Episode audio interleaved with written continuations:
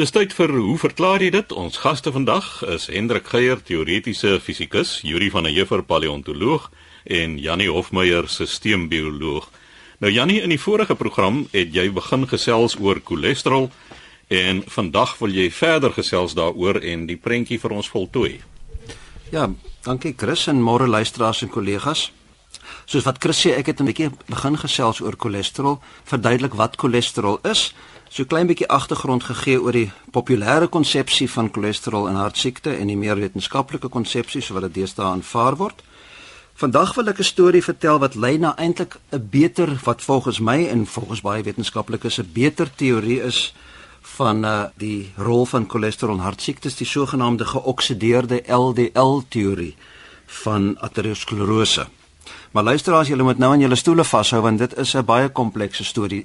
Die, die regulering van cholesterol in die bloed is 'n ontsettend komplekse proses. So kom ons begin voor. Cholesterol soos ander vette en ook die vetoplosbare vitamiene, die is onoplosbaar in water. Ek het dit in vorige program al verduidelik. En dit kan nie so vry in die bloed vervoer word nie. Dit word vervoer in pakkies. In hierdie klein pakkies, artikels staan bekend as lipoproteïene en hulle is nou die hoofdraers van cholesterol en ander vetagtige verbindings in die bloed, verbindings wat nou nie self kan oplos in bloed nie. Daar is 5 tipes van hierdie lipoproteïene.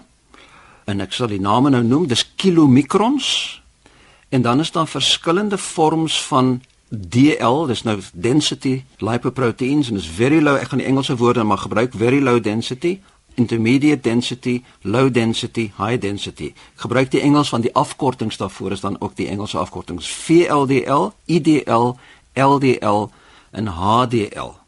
En dit is veral nou die LDL en die HDL wat mense van weet want dit is gewoonlik wat in jou bloedtoetse genoem word en die LDL is dan in die volksmond die slegte cholesterol en dan HDL sou nou dan die goeie cholesterol wees.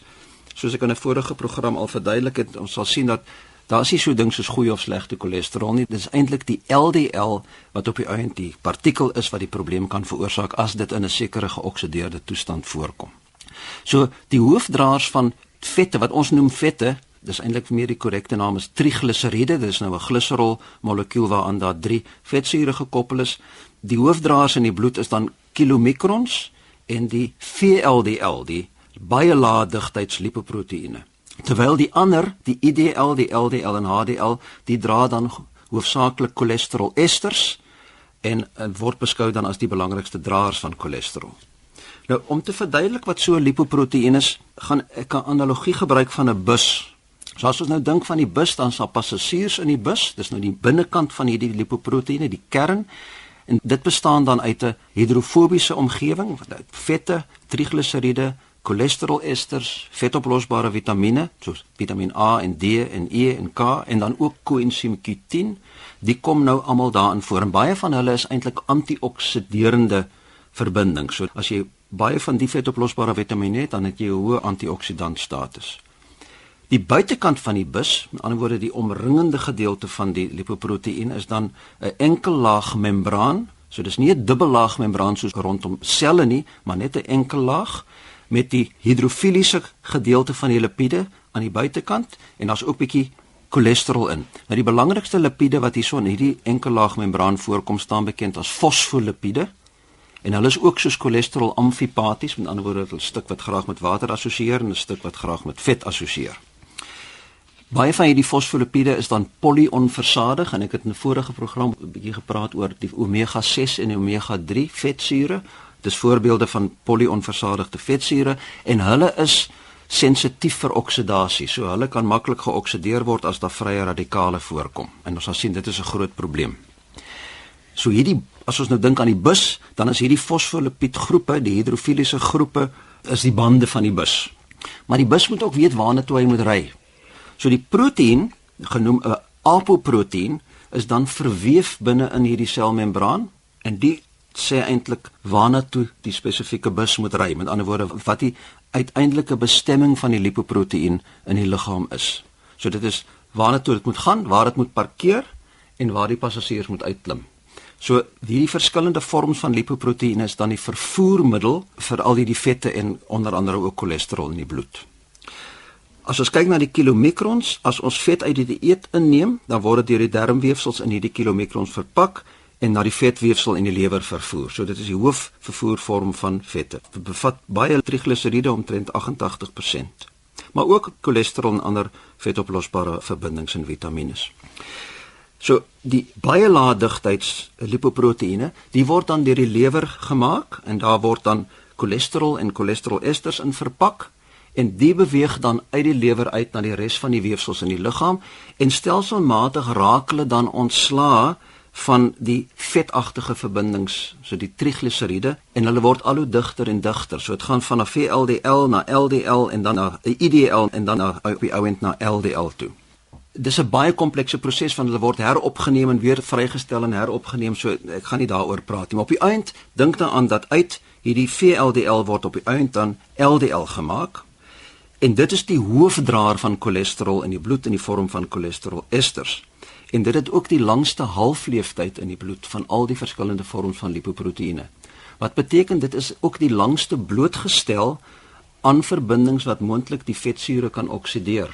So hoe langer die LDL in die bloed bly voortbestaan, hoe meer geoksideer raak dit en ons sal sien dat dit is die probleem wat die probleem veroorsaak. Dit is geoksideerde LDL partikels wat die aterosklerotiese plaak veroorsaak. Dis nie die cholesterol nie soos ek in die vorige program al op 'n vraag van Henk geantwoord het, cholesterol is 'n onskuldige meeloper, net soos wat ek gebruik die idee van rook wat 'n merker van vuur is, né? So rook is nie 'n oorsaak van die vuur nie, maar baie rook dui op die bestaan van 'n erge vuur.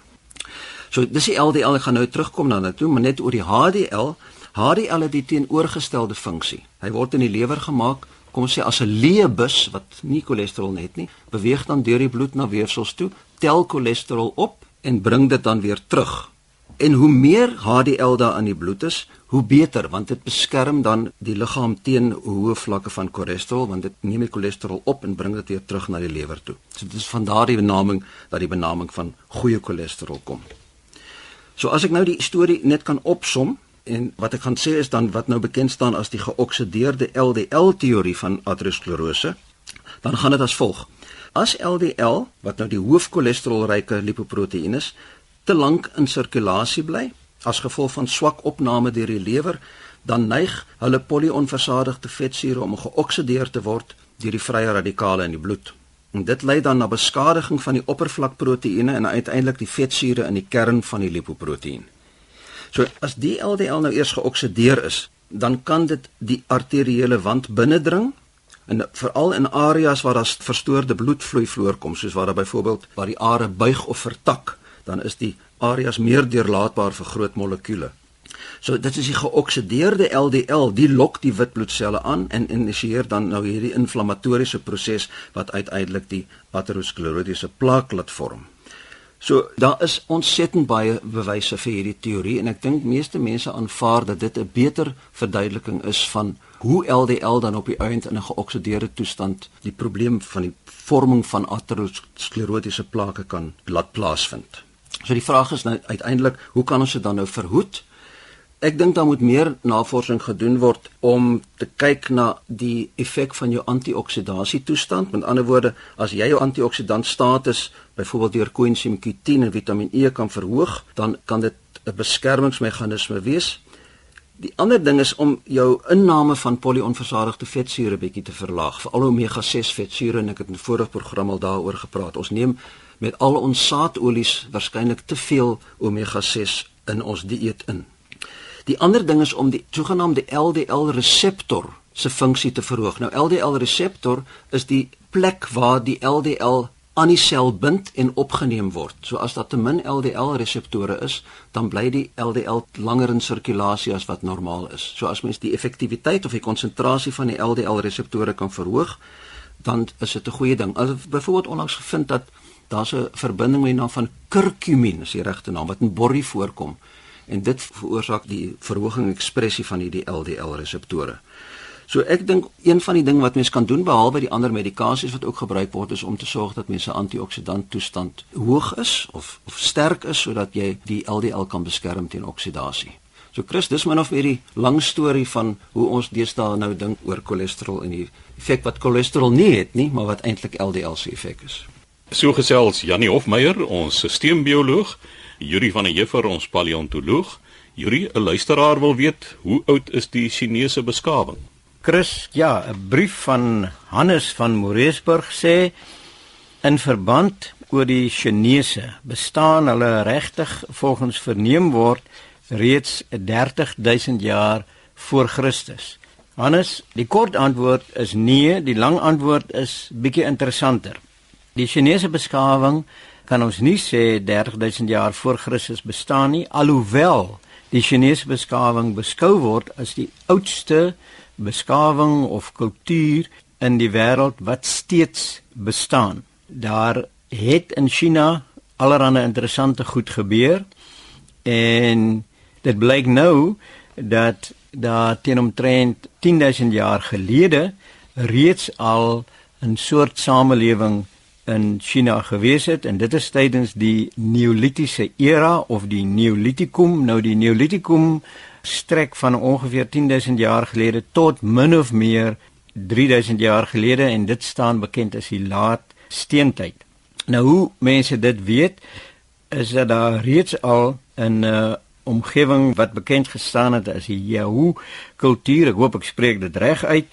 7000 tot 5800 jaar voor Christus boerderybedrywighede aan die gang gewees het. Nou die gebruik van die afkorting VC voor Christus lyk vir my is besig om uit te sterf. Deesdae is dit waarskynlik polities meer korrek om te praat van voor die Christelike era of voor die Christus era. Ek sal nou maar aangaan met VC voor Christus, maar ons weet nou dit is eintlik nie hoe dit gebruik moet word nie. Nou op daai stadium 7 tot 5800 jaar voor Christus is daar bewys gekry dat die mense al met manna of giersgras geboer het.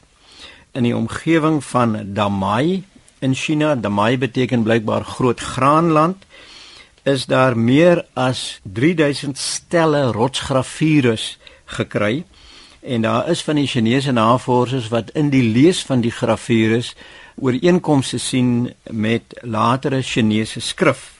Nou as dit so is, dan is daar 'n teken dat die Chinese skrif reeds al tussen 6000 en 5000 jaar voor Christus ontstaan het. Nou die eerste dorpies ontstaan omtrent 5000 jaar voor Christus, 5000 tot 3000 jaar voor Christus in China in die uh, vallei van die Yangtze rivier. Yangtze beteken blykbaar geel rivier en dit verwys na die groot sedimentlading wat mense in die rivier kry. Alhoewel dit op fotos nou nie eintlik geel lyk nie. So die eerste dorpies wat daar tekens van is ontstaan in die riviervallei van die Yangtze rivier.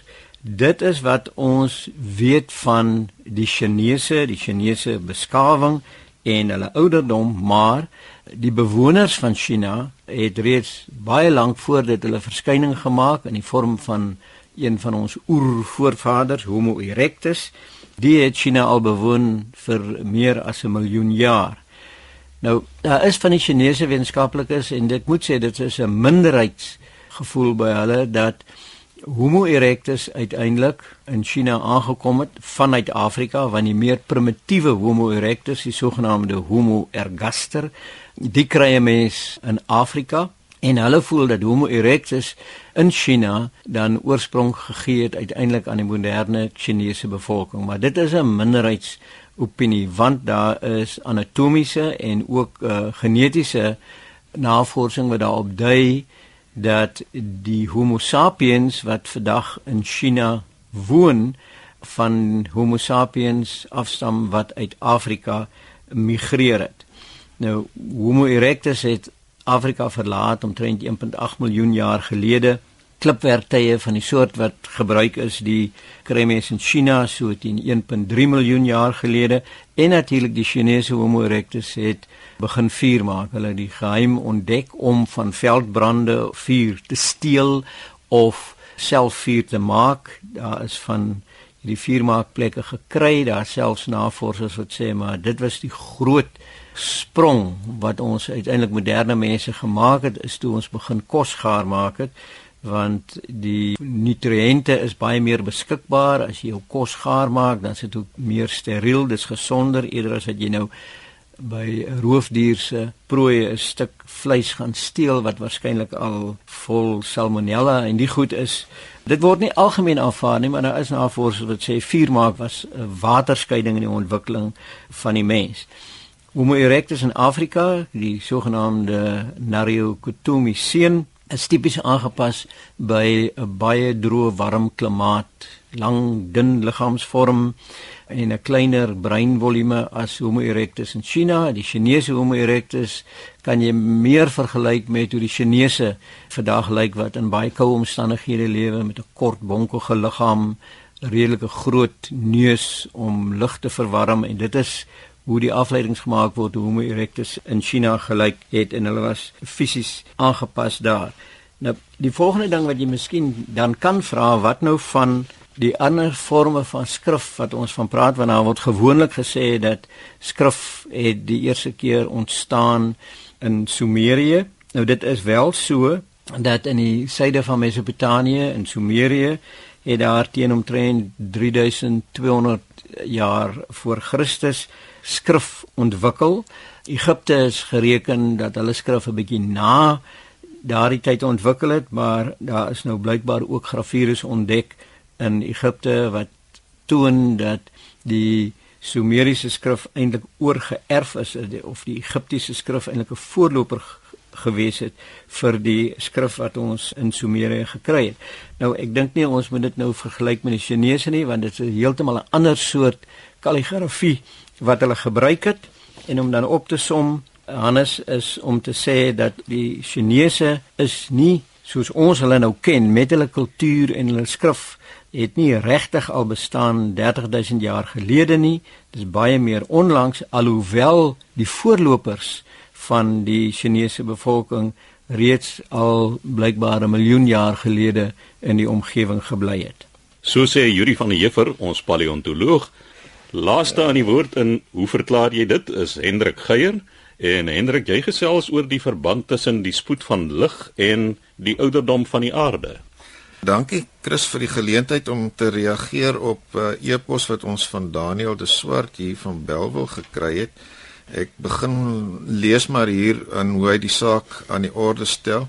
Hy sê ek het na kommentaar oor die skepping in Genesis deur Chuck Missler geluister toe ek die eerste keer hoor van die teorie dat die spoed van lig van die begin van die heelal af al hoe stadiger beweeg. Die bekendste teorie op die internet staan bekend as die Norman Setterfield analise. Dan gaan Daniel voort en uh, sê hy onder andere dat daar heelwat teenstrydige teorieë op die internet is en dat hy as nie wetenskaplike so bietjie uit sy diepte voel om sy eie gevolgtrekkings te maak. Nou vra hy hier, het julle al gehoor van die teorie en is daar tans genoegsame bewys om dit of te verifieer of te ignoreer? Veral in die lig van die feit daarvan dat ons nog heelwat oor lig nie verstaan nie. Uh, Byvoorbeeld en dan verwys Daniel hier na die sogenaamde dubbelspleet eksperiment of wat bekend staan as golfdeeltjie dualiteit. Nou kom ek begin aan die einde van die reeks vrae wat Daniel hier aan die orde gestel het, Chris. Ek dink as ons verwys na die dubbelspleet eksperiment en golfdeeltjie dualiteit dan tel hulle nie onder die dinge wat ons nie van lig verstaan nie. Ek dink ons verstaan dit besonder goed waar die onsekerheid oor hierdie situasies ontstaan en dis onsekerhede wat uit die vroeë geskiedenis van sin maak uit die feit dat lig in sy fundamenteelste beskrywing uit individuele fotone bestaan of ligdeeltjies of energiepakkies word dit partykeer genoem. En aan die ander kant in die tradisioneel ontwikkelde beskrywing as 'n golf beskryf is en beide van hierdie beskrywings verklaar sekere verskynsels en die feit dat hulle gelyktydig geldigheid het word ook redelik goed verstaan as 'n mens na die kwantumgeaardheid van fotone verwys en dit analiseer. So ek dink nie daar is enige onduidelikheid daaroor nie.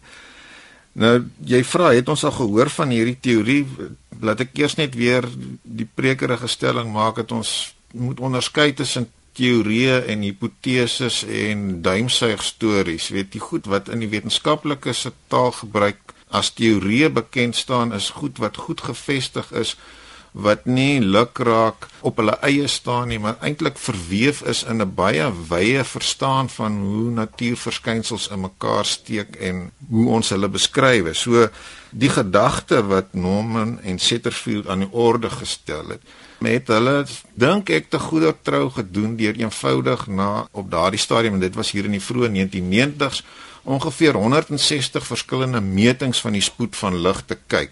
En dit strek nou terug tot by die heel eerste meting hiervan deur die Deense sterrekundige met die naam van Ole Römer. Hy het al in 1676 tot die slotsom gekom dat lig anders as wat tot op daardie stadium vermoed is, nie met 'n oneindige spoed beweeg nie, maar wel met 'n eindige spoed. En wat hy opgelet het was en dit was nou pas nadat Galileo die teleskoop tot die beskikking van sterrekundiges begin stel het en hulle dit toenemend begin gebruik het kon hulle die maane van Jupiter waarneem het besef dat een van die maane Io 'n tipiese omwentelingstyd om Jupiter het en dat 'n mens dit so noukeurig kan waarneem dat jy kon beskryf hoe lank dit uit die sigveld van die aarde af as dit ware agter Jupiter in beweeg en dan weer te voorskyn kom. En wat Römer opgemerk het is dat op verskillende tye van die jaar daardie tyd wat dit sigbaar is verskil en hy het dit toegeskryf aan die feit dat die aarde in die een geval nader aan Jupiter beweeg en in die ander geval verder van Jupiter en deur 'n stuk meetkunde te gebruik kon hy 'n verband vasstel tussen hierdie verskil in tyd en die deursnit van die aarde se baan om die son. En op dië manier het hy toe by 'n spoed van lig uitgekom. Hy het nooit werklik daardie berekening gedoen nie. Dit is eers na sy tyd wat mense as dit ware die syfers ingevul het in sy berekening, maar hy het die argument deurgevoer en tot die belangrike slotsom gekom dat lig met 'n eindige spoed beweeg. Nou Norman en Setterfield het hierdie analise gemaak en dit is opgevolg deur onder andere deur werk wat gedoen is deur 'n Kanadees met die naam van Ellen Montgomery wat ook 'n statistiese ontleding van hierdie inligting gemaak het en ek haal aan uit Montgomery se publikasie wat vrylik op die internet nog beskikbaar is waar hy sê dat sy statistiese ontleding 'n sekere regressiemodel dit wil sê hoe die dinge verander het van die spoed van lig na vore bring wat geldig is vir die laaste 250 jaar. Nou kom ons terug by die geval wat nou heel aan die begin in Daniel se epos aan die orde gestel word, naamlik kommentaar oor die skepping deur ene Chuck Missler. Nou ek het nie geweet wie's Chuck Missler nie, maar as 'n mens nou 'n bietjie gaan soek, dan kom jy agter hy is 'n Amerikaanse prediker wat en mense moet nou versigtig wees om mense hier in gleefies in te druk, maar ek sou sê hy huldig 'n redelik konservatiewe beskouing oor onder andere sulke dinge soos die ouderdom van die aarde. En dit lyk vir my mense soos hy maak dit hulle besigheid om stukke wetenskaplike inligting wanneer dit hulle pas aan die orde te stel, soms korrekte afleidings daaruit te maak. In ander gevalle lyk dit vir my eenvoudig net baie wilde spronge te maak om eintlik 'n gedagte wat hulle onderskryf sou sien op 'n pseudo-wetenskaplike manier te probeer bevorder en te beklemtoon.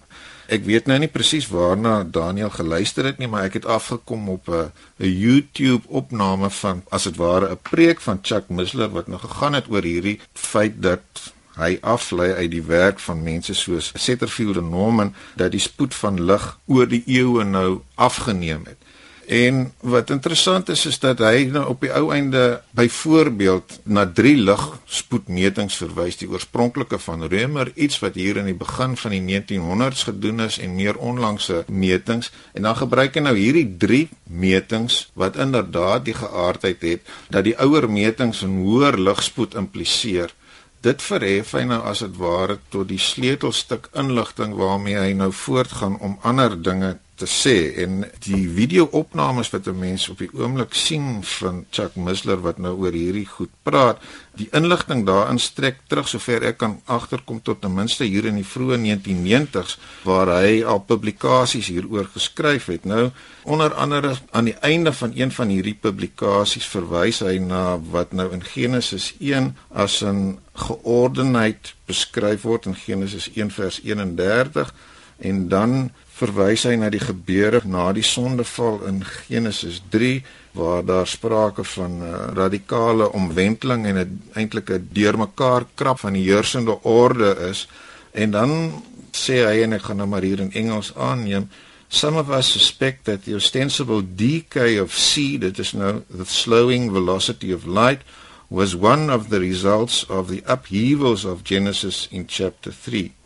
Dan maak hy onder andere die stelling dat die werk van mense soos Montgomery impliseer en nou ekstrapoleer hy sommer ver verby die 250 jaar wat Montgomery self eintlik in sy publikasie noem en sê dat die spoed van lig kon 10 tot 30% vinniger gewees het in die tyd van Christus, twee keer so vinnig in die dae van Salomo en vier keer so vinnig in die dae van Abraham ensovoorts en dan sê this possibility would also totally alter our concepts of time and the age of the universe the universe might actually be less than 10000 years old. So dis duidelik dat iemand soos Chuck Missler gegevens op 'n relatief lukraak manier bymekaar probeer sit om 'n baie spesifieke sienswyse te onderskrywe wat mense nou vra is en dit is ook die vraag wat Daniel hier aan die orde stel wat is nou bekend oor hierdie analise van mense so Setterfield en Norman en ander en 'n mens moet sê hulle was nie die enigste wat met hierdie gedagte gewerk het nie. Daar was sedertdien ook ander mense wat met hierdie gedagtes na vore gekom het.